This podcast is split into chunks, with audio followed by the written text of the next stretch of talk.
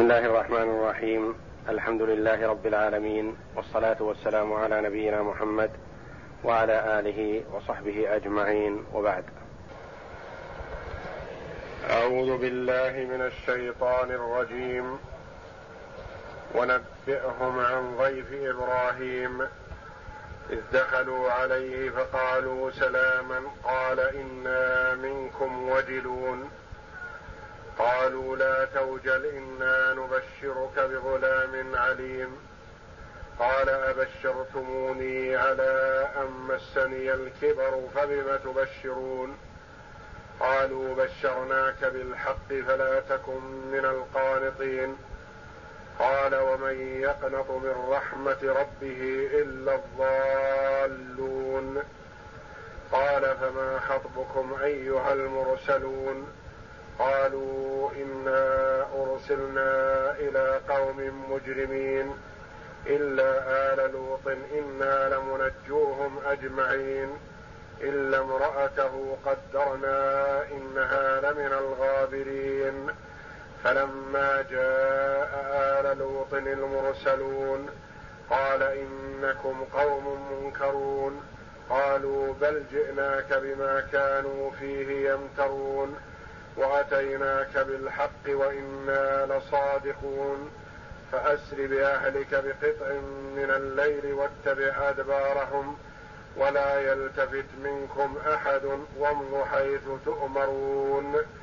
وقضينا إليه ذلك الأمر أن دابر هؤلاء أن دابر هؤلاء مقطوع مصبحين.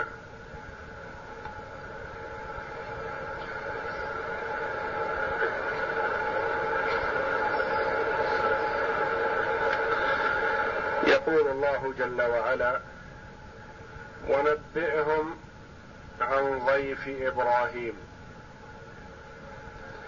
تقدم في الآيات قبلها نبئ عبادي أني أنا الغفور الرحيم وأن عذابي هو العذاب الأليم ونبئهم عن ضيف إبراهيم. الواو في قوله ونبئهم حرف عطف. عطفت ونبئهم عن ضيف إبراهيم على قوله تعالى نبئ عبادي أني أنا الغفور الرحيم وأن عذابي هو العذاب الأليم. والله جل وعلا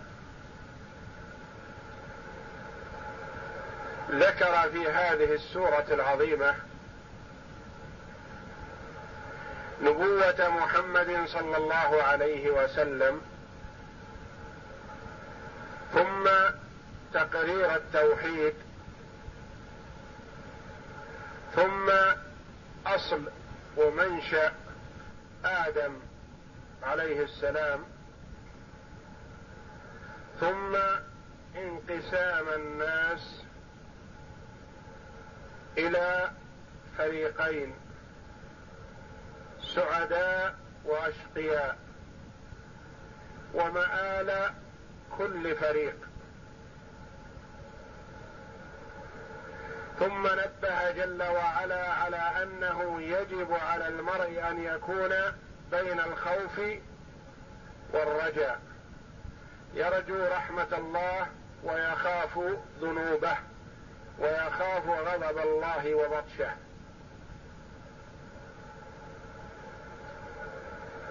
ثم ذكر جل وعلا قصص بعض الأنبياء. وهذه القصص كالمقررة لقوله جل وعلا نبئ عبادي أني أنا الغفور الرحيم وأن عذابي هو العذاب الأليم. فهي قررت إن جاءه جل وعلا لمن آمن به واتبع رسله. وإهلاكه وبطشه جل وعلا بمن كذب رسله. فعذاب الله أليم لمن خالف أمره. كما أن الله غفور رحيم لمن أطاعه واتبع رسله.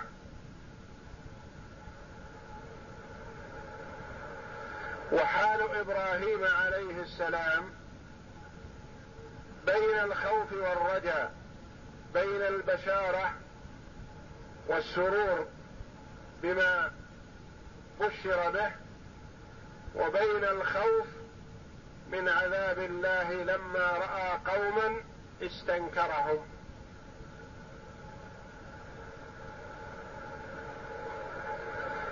قال جل وعلا ونبئهم يعني أخبرهم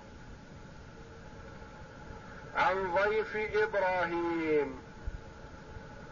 قصة ضيف إبراهيم عليه السلام. وكلمة ضيف مصدر وتدل على الميل.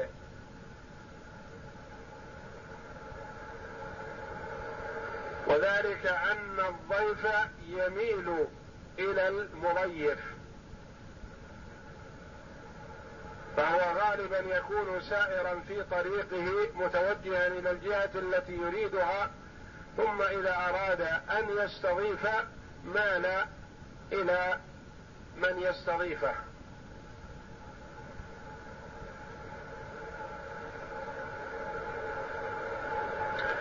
وهي كلمة مصدر تطلق على الواحد وعلى الاثنين وعلى الجمع. فيقال للرجل هذا ضيف محمد ويقال للرجلان ويقال للرجلين ضيف محمد ويقال للرجال ضيف محمد. فكلمة ضيف تطلق على الجمع وعلى المفرد والمثنى وقد تثنى وتجمع. فيقال ضيفان وضيوف وأضياف.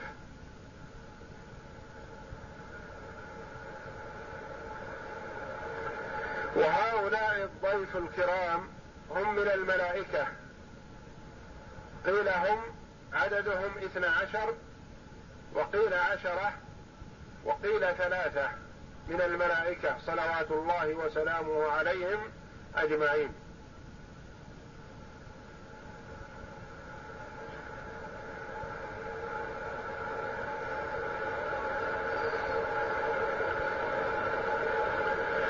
ونبئهم عن ضيف إبراهيم إذ دخلوا عليه فقالوا سلاما. إذ ظرف والعامل فيها فعل مقدر. اذكر إذ دخلوا عليه اذكر دخولهم عليه. فقالوا سلاما. قالوا سلاما. أي نسلم عليك سلاما. أو سلم الله عليك سلاما. مفعول مطلق سلاما والعامل فيه فعل مقدر. نسلم عليك سلاما أو يسلم الله عليك سلاما.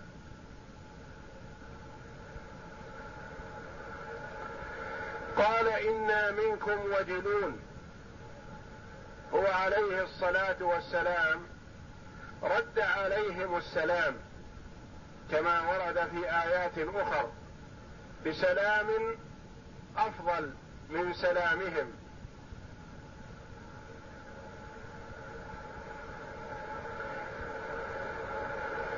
امتثالا لما شرعه الله جل وعلا في أنه ينبغي للمسلم عليه أن يرد بأفضل مما سلم عليه به أو بالمثل.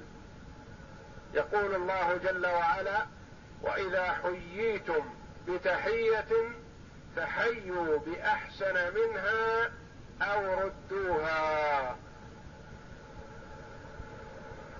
إذا لم ترد بأحسن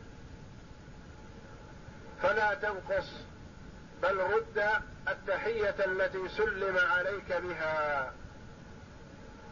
فيحسن إذا قال لك المرء السلام عليكم تقول وعليكم السلام ورحمة الله. وإذا قال السلام عليكم ورحمة الله أن تقول وعليكم السلام ورحمة الله وبركاته. فتزيد. وأقل ما يمكن هو أن ترد نفس السلام. إذا قيل لك السلام عليكم تقول وعليكم السلام. وبعض الناس يخطئ في رد السلام فيقول أهلا أو أهلا ومرحبا أو غيرها من الكلمات الدارجة على الألسن وهذه لا تكفي في رد السلام. بل لا بد أن ترد السلام بلفظ السلام. فتقول وعليكم السلام. وإن زدت وقلت أهلا ومرحبا أو حياك الله أو نحو ذلك من الكلمات الترحيبية فحسن. إلا أنه يتعين عليك أن ترد السلام بلفظ السلام. وقد بين الله جل وعلا أن أن إبراهيم عليه السلام رد عليهم السلام بأفضل مما سلموا به. وذلك أنهم قالوا سلاما فقال سلام سلام. هم تكلموا سلموا عليه بجملة فعلية وهو رد عليهم بجملة بجملة اسمية. والجمل الاسمية تدل على الثبوت والدوام والجمل الفعلية تدل على التجدد والحدوث. فما كان يدل على الثبوت والدوام فهو أمكن وأبلغ مما يدل على التجدد والحدوث. فإبراهيم عليه السلام رد عليهم السلام كما ورد في الآيات الآخر وهذه القصة مختصرة في هذه السورة. قال إنا منكم وجلون. متى قال هذا القول؟ هو رد عليهم السلام ورحب بهم صلوات الله وسلامه عليه وأحضر لهم الطعام مسرعا بأحسن أنواع الطعام بعجل حنيد. فلما قربه إليهم ووضعه بين أيديهم ورأى أن أيديهم لا تصل إلى الطعام استنكر وخاف. فقال عليه الصلاة الصلاه والسلام بعد ذلك كما قال الله جل وعلا عنه قال إنا منكم وجلون. فهو عليه السلام قال لهم ذلك القول بعدما قدم لهم الضيافة فلم تمتد أيديهم إلى الطعام. استنكر. وقد أسرع في الضيافة صلوات الله وسلامه عليه. قال إنا منكم وجلون والوجل هو الخوف. إنا منكم وجلون لما لم تأكلوا من طعامنا؟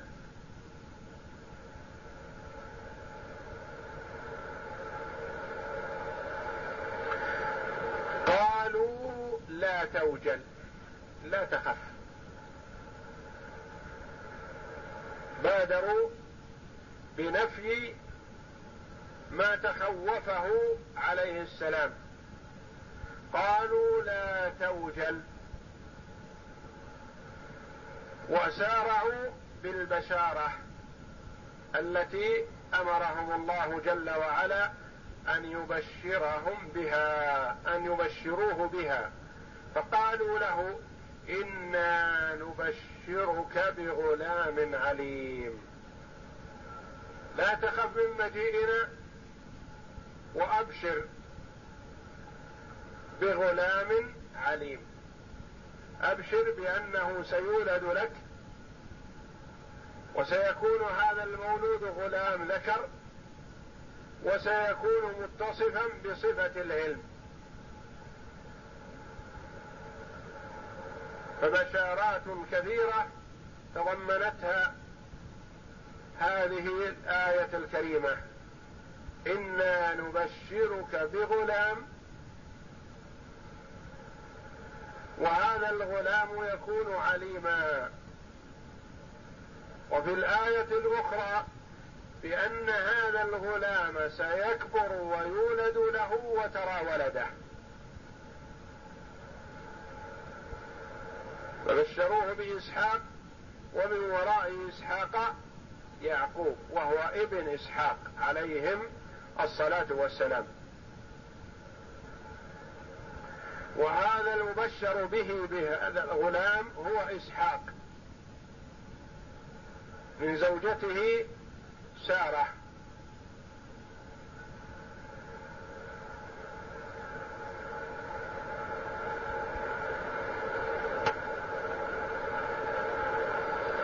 ولم يذكر اسمه في هذه السورة لأنه ذكر في السورة قبلها في سورة هود. قال عليه السلام أبشرتموني على أن مسني الكبر فبما تبشرون؟ بشرتموني بالولد وعمري كبير تجاوز المئة صلوات الله وسلامه عليه. وامرأته كذلك عجوز كبيرة. فاستغرب هذا في العادة. وإلا فالله جل وعلا لا يعجزه شيء. لكن العادة أن المرأة إذا وصل إلى المئة وتجاوز المئة وامرأته في حدود التسعين سنة لا يولد لهما.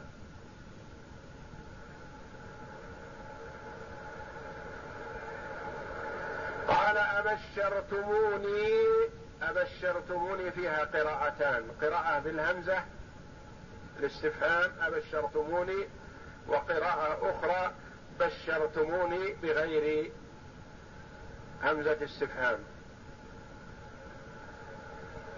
وهذا الاستفهام تعجب منه عليه السلام يتعجب أن يولد له وهو في هذه السن. على أن مسني الكبر يعني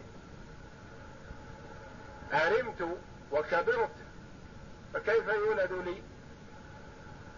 فبما تبشرون هل ما تبشرون به حقيقة؟ وصحيح. وهذا ليس ببعيد عن الله وليس بصعب لكن جرت العادة أن من بلغ مثل سني لا يولد, له. فلذا استغرب عليه الصلاة والسلام وتعجب.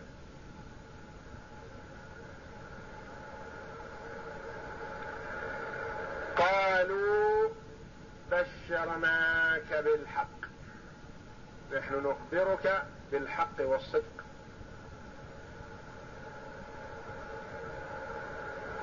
بشرناك بالحق الذي لا خلف فيه.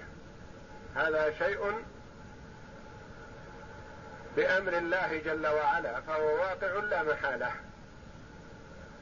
فلا تكن من القانطين. لا تقنط. لا تيأس. وفيها قراءتان. فلا تكن من القانطين. والقراءة الأخرى فلا تكن من القانطين بدون ألف.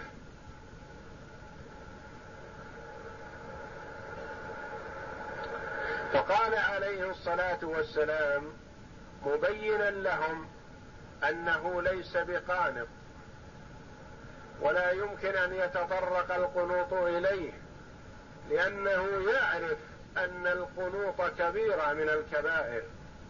القنوط من رحمة الله كبيرة. ولا يمكن أن يقع منه. وإنما سؤاله واستفهامه هذا سؤال استفهام تعجب واستغراب وإلا القنوط فلا يتطرق إليه. فقال عليه الصلاة والسلام لما قالوا له فلا تكن من القانطين قال ومن يقنط من رحمة ربه إلا الضالون؟ أنا أعرف الحكم وأعرف أن القنوط كبيرة من كبائر الذنوب فالقانط قال قال ومن يقنط من رحمة ربه إلا الضالون.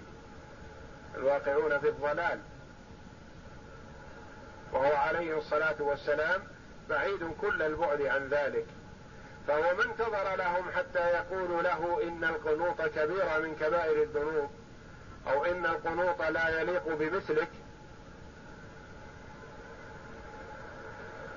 هو اجابهم عليه الصلاة والسلام بقوله ومن يقنط من رحمه ربه الا الضالون فالمؤمن لا يقنط من رحمة الله. كما أنه لا يجوز للمؤمن أن يأمن مكر الله. المؤمن لا يأمن مكر الله كما أنه لا يقنط من رحمة الله. يكون بين الخوف والرجاء. يرجو رحمة الله ويخاف بطش الله وعذابه.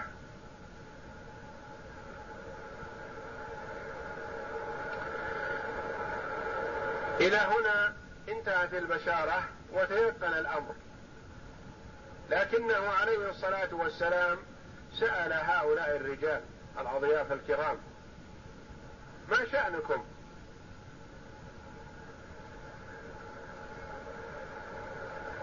البشارة بما بشرتموني به. يكفي فيها واحد يأتي بالبشارة وأنتم جمع. فما خطبكم؟ ما شأنكم؟ قال فما خطبكم أيها المرسلون؟ عرف عليه الصلاة والسلام أنهم مرسلون من قبل الله جل وعلا. ولكنه عرف أن ما بشروه به لا يستدعي أن يرسل هؤلاء القوم وإنما يكفي واحد فهم جاءوا لأمر عظيم. قال فما خطبكم؟ والخطب الشأن العظيم. يعني ما شأنكم؟ أنتم جئتم لأمر عظيم فبينوه. قال فما خطبكم أيها المرسلون؟ قالوا إجابة لسؤاله إنا أرسلنا إلى قوم مجرمين إلا آل لوط إنا لمنجوهم أجمعين إلا امرأته قدرنا إنها لمن الغابرين. قالوا إنا أرسلنا من قبل ربنا جل وعلا إلى قوم مجرمين. واقعين في الإجرام. والإجرام يشمل الشرك فما دونه. فيقال للمشرك مجرم. ويقال للواقع في الكبيرة وإن لم يكن مشرك يقال له مجرم. هذا مجرم إذا وقع في كبيرة من كبائر الذنوب وإن كان غير مشرك بالله. إنا أرسلنا إلى قوم مجرمين متصفين بهذه الصفة وهي صفة الإجرام. إلا آل لوط.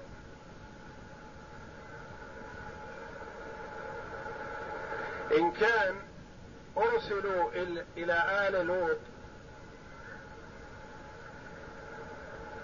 شملهم الإرسال هم مرسلون إلى آل لوط فالاستثناء متصل.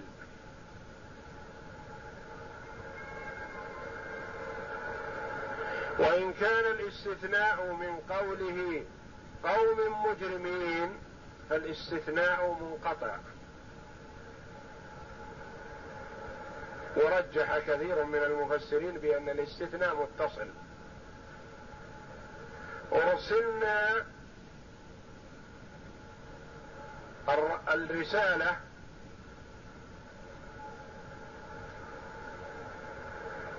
هم مرسلون إلى قوم مجرمين وإلى آل لوط.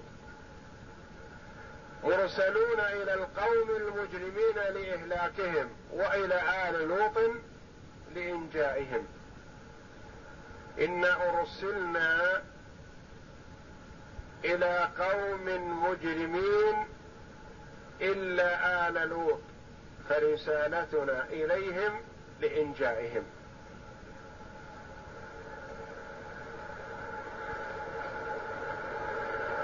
وعلى قول من قال الاستثناء منقطع إن أرسلنا إلى قوم مجر إلى قوم مجرمين لكن آل لوط لا يدخلون فيهم فهم ناجون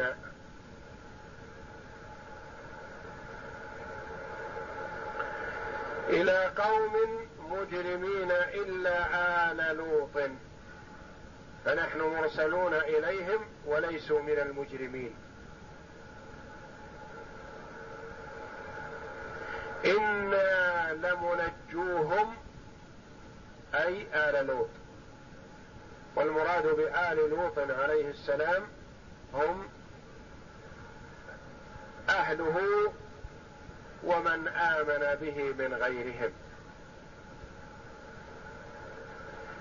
إنا لمنجوهم أجمعين. وهل النجاة لجميع آل لوط؟ بل مستثنى منهم. من هو؟ هالك. مع الهالكين. إنا لمنجوهم أجمعين إلا امرأته. فامرأته مستثنى والمستثنى منه منجوهم الضمير في منجوهم. إنا لمنجوهم إلا امرأته. إنا لمنجوهم أجمعين إلا امرأته. فليست من الناجين. بل هي من الهالكين.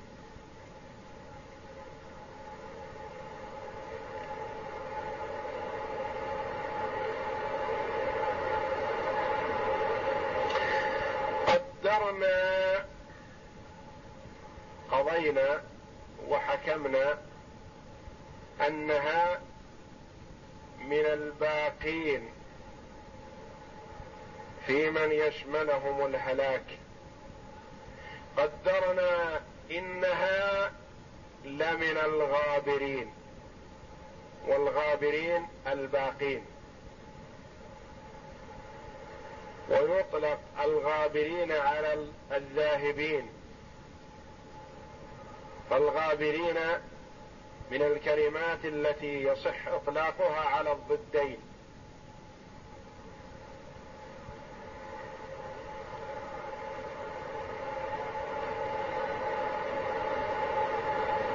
قضينا وحكمنا إنها من الباقين في العذاب وفي الهلاك فليست مستخرجة. بل هي باقية معهم.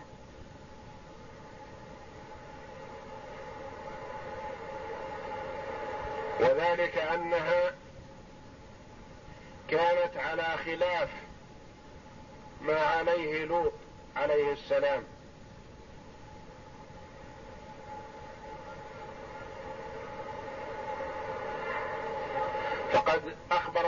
جل وعلا عنهما عن امرأة نوح وامرأة لوط بأنها ما بأنهما لم تسلما من العذاب. فقرب الصالحين لا ينجي إذا لم يكن المرء صالحا في نفسه. كما ضرب الله جل وعلا مثلين عظيمين.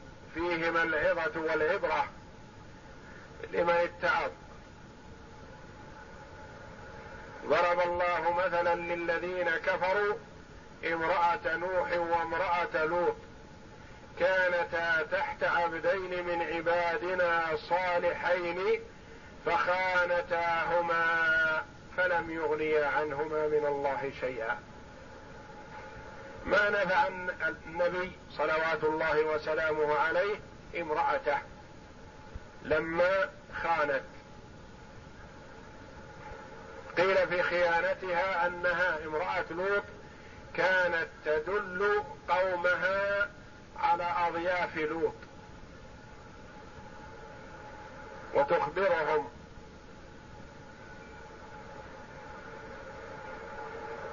فيأتوا فيؤذوا لوطا واضيافه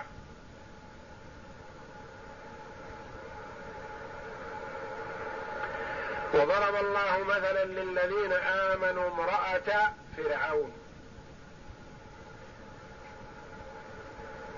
إذ قالت رب ابن لي عندك بيتا في الجنة ونجني من فرعون وعمله ونجني من القوم الظالمين.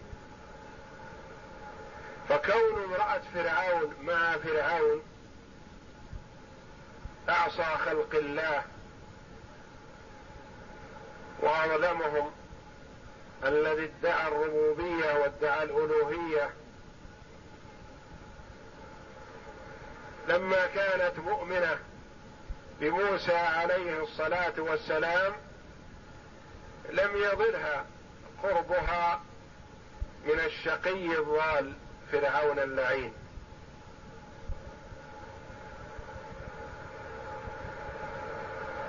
فلا يجوز للمرء أن يتكل على صلاح.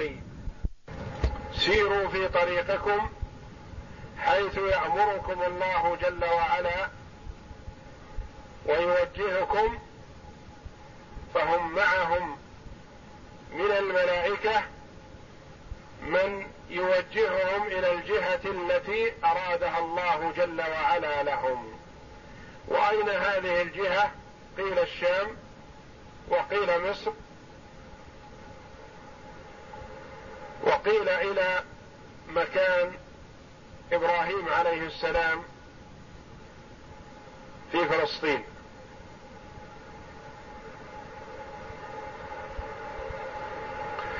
ولا يلتفت منكم أحد وامضوا حيث تؤمرون حيث يأتيكم الأمر. والموجه الذي يوجهكم من قبل الله جل وعلا. وقضينا إليه ذلك الأمر. يقول الله جل وعلا وأوحينا إليه يعني إلى لوط. ذلك الأمر وهو إهلاك من أراد الله جل وعلا إهلاكه من قوم لوط لما عتوا عليه. ثم بين جل وعلا ذلك الأمر الذي قضاه فقال أن دابر هؤلاء مقطوع يعني مقضي عليهم مهلكون عن آخرهم وآخرهم هلاكا من يبقى إلى الصباح. أن دابر هؤلاء مقطوع مصبحين. في وقت الصباح سينتهون عن آخرهم. وقد أمر الله جل وعلا جبريل عليه السلام فاقتلع قرى قوم لوط وهي سبع قرى بطرف جناحه. فرفعها إلى السماء حتى سمعت الملائكة في السماء صياح ديكتهم ونباح كلابهم. ثم قلبها فجعل عاليها سافلها ثم أتبعهم الله جل وعلا بحجارة من سجين.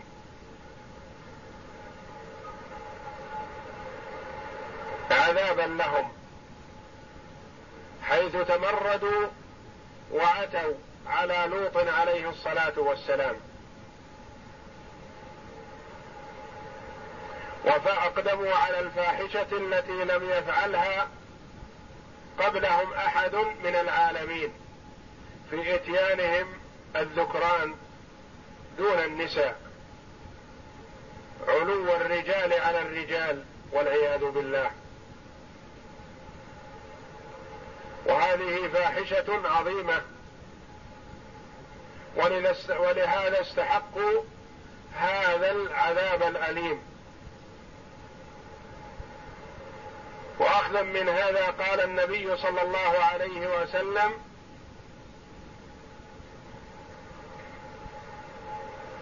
برجم الفاعل والمفعول به ورميهم من أعلى مكان شاهق. لأن الله جل وعلا رفع هؤلاء القوم إلى قرب السماء ثم رمي بهم في الأرض. فاللوطي يرفع إلى أعلى مكان شاهق في البلد ويرمى ثم يتبع الحجارة. وقال عليه الصلاة والسلام في اللوطي اقتلوا الفاعل والمفعول به. من وجدتموه يعمل عمل قوم لوط فاقتلوا الفاعل والمفعول به سواء كانا محصنين أو غير محصنين. فاللوطي يقتل الفاعل يقتل والمفعول به كذلك يقتل إذا كان ذلك باختياره وموافقته. أما إذا كان مجبرا على ذلك فلا يقام عليه الحد. وقضينا إليه ذلك الأمر أن دابر هؤلاء مقطوع مصبحين. دابرهم مقطوع بمعنى مقضي عليهم بالهلاك والدمار وقد فعل الله جل وعلا بهم ما فعل لإقدامهم على الجرائم العظام وهي الشرك بالله وإتيان الرجال دون النساء. والله أعلم. وصلى الله وسلم وبارك على عبده ورسول نبينا محمد وعلى آله وصحبه أجمعين.